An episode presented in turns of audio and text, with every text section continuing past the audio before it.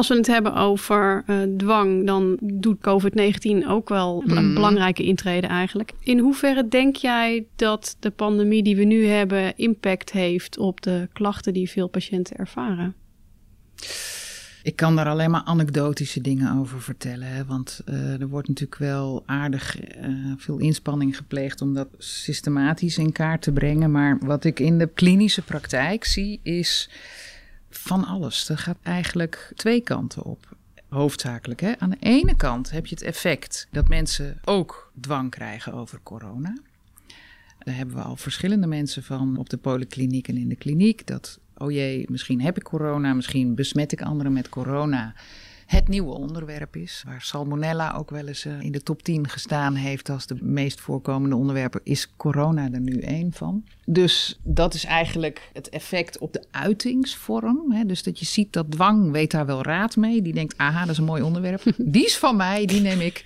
Wat je ook ziet, is dat mensen die een aardig eind opgeknapt waren al in hun behandeling, dat ze ineens een forse terugval krijgen omdat ze zo onder druk staan door corona. Het is gewoon het effect wat het op iedereen heeft. De isolatie, de beperkingen, het afstand moeten houden, niet aangeraakt worden, niet aan kunnen raken. Uh, nou, noem maar op. En thuis moeten werken, multitasken.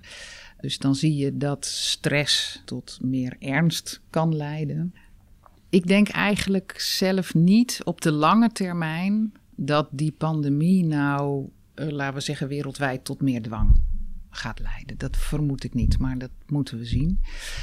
Ander interessant punt vond ik wel, is dat ook wel veel mensen met dwangklachten zeggen van hé, hey, iedereen gedraagt zich nu alsof hij een dwangstoornis heeft.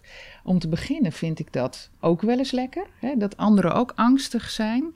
En bovendien krijg ik nu ook wel eens te horen van, nou begrijp ik jou, hoe ongelooflijk naar het is om, om niet te weten continu onzeker te zijn, daar ongelooflijk veel beperkingen voor te moeten accepteren. Dus mensen hebben letterlijk gezegd: het is heel destigmatiserend eigenlijk. En, en dat vind ik vanuit dat IBA-perspectief heel interessant, is dat mensen ook zeggen: hé, hey, nu is er echt wat aan de hand. Er is een wereldwijde epidemie.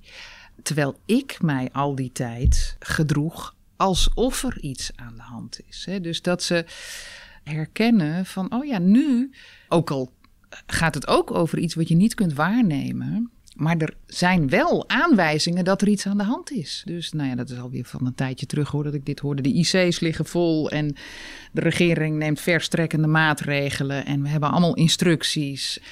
En dus dat het voor mensen een, ik gedraag me al die tijd alsof er iets is, maar nu herken ik dat dat alleen maar alsof is. En dat dat echt anders is dan wanneer er daadwerkelijk sprake is van een pandemie. Ja. Dat vond ik wel heel boeiend ook. Ja. Ja. ja. Anekdotisch, maar het geeft wel aan dat er grote verschillen zijn in de beleving. En Ja. Misschien is dan het sterkste en het mooiste wel hè, het stukje destigmatisering. Zeker. Dat we ons allemaal bewust zijn wat voor een impact het heeft. En Zeker. eh, dat iemand daar echt mee kan worstelen. En dat het Zeker. ook heel echt kan aanvoelen. Ja.